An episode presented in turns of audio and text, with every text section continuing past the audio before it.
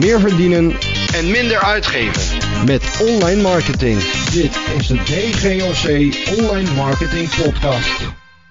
In deze les gaan we stilstaan bij het meest klassieke onderwerp binnen de online marketing, namelijk eh, SEO en SEA. En dan gaat het met name over het verschil tussen eh, wat je moet doen op de, om resultaten te bereiken op de korte termijn en wat je kunt doen om resultaten te bereiken op de wat langere termijn. Nou, we beginnen eventjes met heel kort het verschil tussen SEO en SEA, voor als je dat nog niet weet. SEO, dat is Search Engine Optimization. Kortom, de natuurlijke zoekresultaten, de zoekresultaten waar je niet voor hoeft te betalen. En SEA is die andere kant, dat zijn de uh, Search Engine Advertising uh, posities. Dus de posities waarvoor je wel moet betalen. Vaak herkenbaar natuurlijk in Google.nl uh, met de advertenties bovenaan de pagina. Nou, we beginnen eventjes met SEA, want dat is het stukje waar je echt op de korte termijn mee aan de slag kan. Dus als jij vandaag begint met het bouwen van, uh, van campagnes, dan heb jij ook al vandaag de eerste resultaten. En dat is echt een van de specifieke eigenschappen van SEA. Natuurlijk, uh, natuurlijk heb je niet vandaag super grote resultaten. Dat duurt wel een week, twee, drie, vier weken. Uh, sterker nog, korte termijn is voor mij alles wat valt binnen de eerste drie maanden. Maar je krijgt elke dag sowieso nieuwe bezoekers. Je kunt data gaan verzamelen. En dat is op zichzelf al uh, heel erg waardevol. Dus dat is echt een korte termijn strategie. Dan gaan we naar SEO kijken. SEO is per definitie altijd iets wat je doet voor de lange termijn strategie. Nou, waarom? Ik kan een heleboel dingen doen om mijn website beter vindbaar te laten zijn. Ik kan mijn techniek verbeteren. Ik kan de website versnellen. Ik kan hem beveiligen. Ik kan hem verder optimaliseren. Ik kan uh, mooie blogartikelen uh, voor schrijven of voor laten schrijven.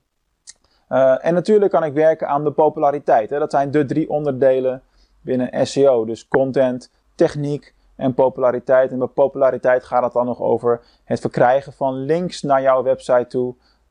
ondersteund door een stukje content met linken intern, is intern in de website allemaal langer termijn. Want alles wat je daar binnen 1, 2, 3, 4 weken voor doet, daar ga je nog precies niks van merken in de vorm van extra bezoekers. Het kost gewoon veel tijd relatief voordat Google dingen uh, indexeert, verwerkt uh, en posities daadwerkelijk gaat verbeteren. Als jij nou echt elke dag gaat lopen bloggen en je hebt daardoor veel nieuwe content, dan zul je zien dat als je dat over een jaar nog steeds doet, dat de effecten steeds sneller beginnen te komen. Want ook dat patroon en dat constant uh, dingen publiceren, dat is iets wat Google zal gaan herkennen en ook zal gaan uh, waarderen. Maar binnen SEO, daar, komt een complete aparte cursus over natuurlijk, want dat is een, uh, een onderwerp op zichzelf waar je een hele week fulltime training op zou kunnen, kunnen geven wat dat betreft. Maar SEO is dus echt volledig voor lange termijn. En hebben we het over de periode 12 tot 24 maanden.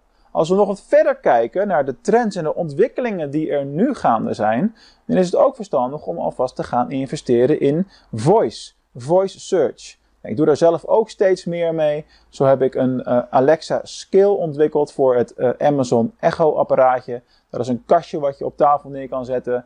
Uh, waarbij, um, waarbij ik tegen het kastje kan praten via spraakcommando's. En dan kan ik bijvoorbeeld uh, radio aanzetten, een podcast afspelen uh, of content beluisteren waar ik zin in heb. Uh, ja, en allerlei andere dingen doen, vragen wat het weer is en dat soort dingen allemaal. Verzin het maar. Die apparaatjes bestaan natuurlijk ook vanuit Google met, met Google Home, wat naar Nederland komt op dit moment. en zo zijn er nog een paar partijen. Dus Voice binnen Search is echt, daar hebben we het over de periode 24 tot 48 maanden voordat dat echt ja, effect zal gaan hebben op en heel veel impact gaat hebben op wat er in de markt uh, gebeurt. Maar dat is wel iets om op lange termijn uh, rekening mee te gaan houden.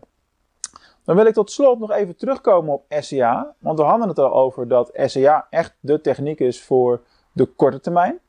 Hè, maar uh, ook daarbij geldt dat de lange termijn daar ook een grote rol in, in speelt. Want enkele jaren geleden was het nog zo dat je twee, drie advertenties van Google bovenaan de pagina zag staan. En had je nog een rechterkolom met advertenties, wat voor mensen vaak wel herkenbaar was als dat zijn advertenties. Uh, ik realiseer me overigens nu dat waar ik het hier doe, is het voor jullie links en voor mij rechts. Maar, hè, dus rechterkolom bovenaan advertenties. Um, Maar inmiddels is het, uh, is het hele speelveld daar veranderd. Je hebt inmiddels bovenaan vaak wel vier advertenties. Dat is een heel groot blok geworden. En je moet al naar beneden scrollen uh, voordat je de eerste uh, niet betaalde zoekresultaten te zien krijgt. Dus het wordt allemaal steeds commerciëler en de belangen worden daar steeds groter financieel gezien vanuit Google natuurlijk. Dus SEA heb je ook op de lange termijn nodig. En ook bij SEA zal gelden als jij bezoekers hebt die vier, vijf keer op jouw advertentie hebben geklikt, dat ze dan sneller gaan, gaan kopen en eerder terug gaan komen. Dus SEA is ook een techniek die je voor de lange termijn zal blijven gebruiken. Kortom, even samenvattend. Je hebt SEA voor echt de korte termijn acties om nu resultaten te gaan behalen. Je kunt het ook inzetten voor de lange termijn. En alles rondom SEO is sowieso voor de langere termijn, voordat je daar de effecten van gaat zien. Uh, en nog veel verder in de toekomst kijken.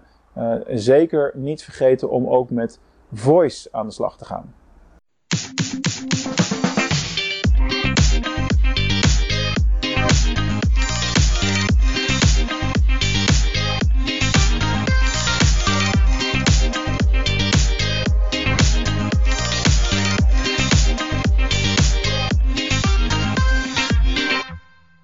Nu je de laatste in 2021 geproduceerde uh, en uh, opgenomen podcast hebt uh, beluisterd, wil ik je bedanken voor al het luisteren in het afgelopen jaar.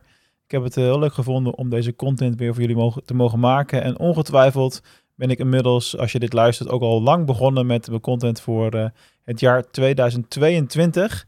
En ik wil even mijn strategische geheim, voor zover dat niet al lang duidelijk was, met jullie delen over hoe je nou content consequent kunt blijven publiceren. En ervoor kunt zorgen dat er uh, geen gaten meer uh, in, de, in de planning komen, om het zo maar te zeggen. Ik noteer vandaag op het moment dat ik dit inspreek 16 juli 2021. Op dit moment zit ik uh, letterlijk in Venlo op mijn kantoor me af te vragen of de extreem hoge waterstand in Noord-Limburg inmiddels ook bij mij een overstroming zal veroorzaken. Dus dan heb je een beetje de context van uh, ja, waar en wanneer dit allemaal opgenomen is. Kortom, het geheim is: werk lekker vooruit op de momenten dat je het uh, kunt. Afgelopen twee weken heb ik de afleveringen opgenomen en geproduceerd voor de hele restant van 2021.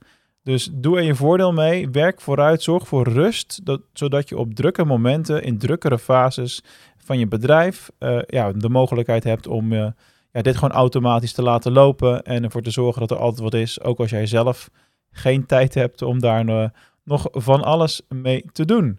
Nogmaals, het was een groot plezier. Wil je een keer in gesprek met me gaan in 2022? Ga dan naar dgoc.nl slash call. Sluit je aan op het gratis platform Succes met e-commerce.nl. En als je van de content hebt genoten het afgelopen jaar en je luistert via Apple Podcast, wees dan lief voor mij en uh, schrijf een review. Mocht je dit nog op de slotdag van 2021 luisteren, fijne uh, oudejaarsavond. En uh, je hoort me snel weer.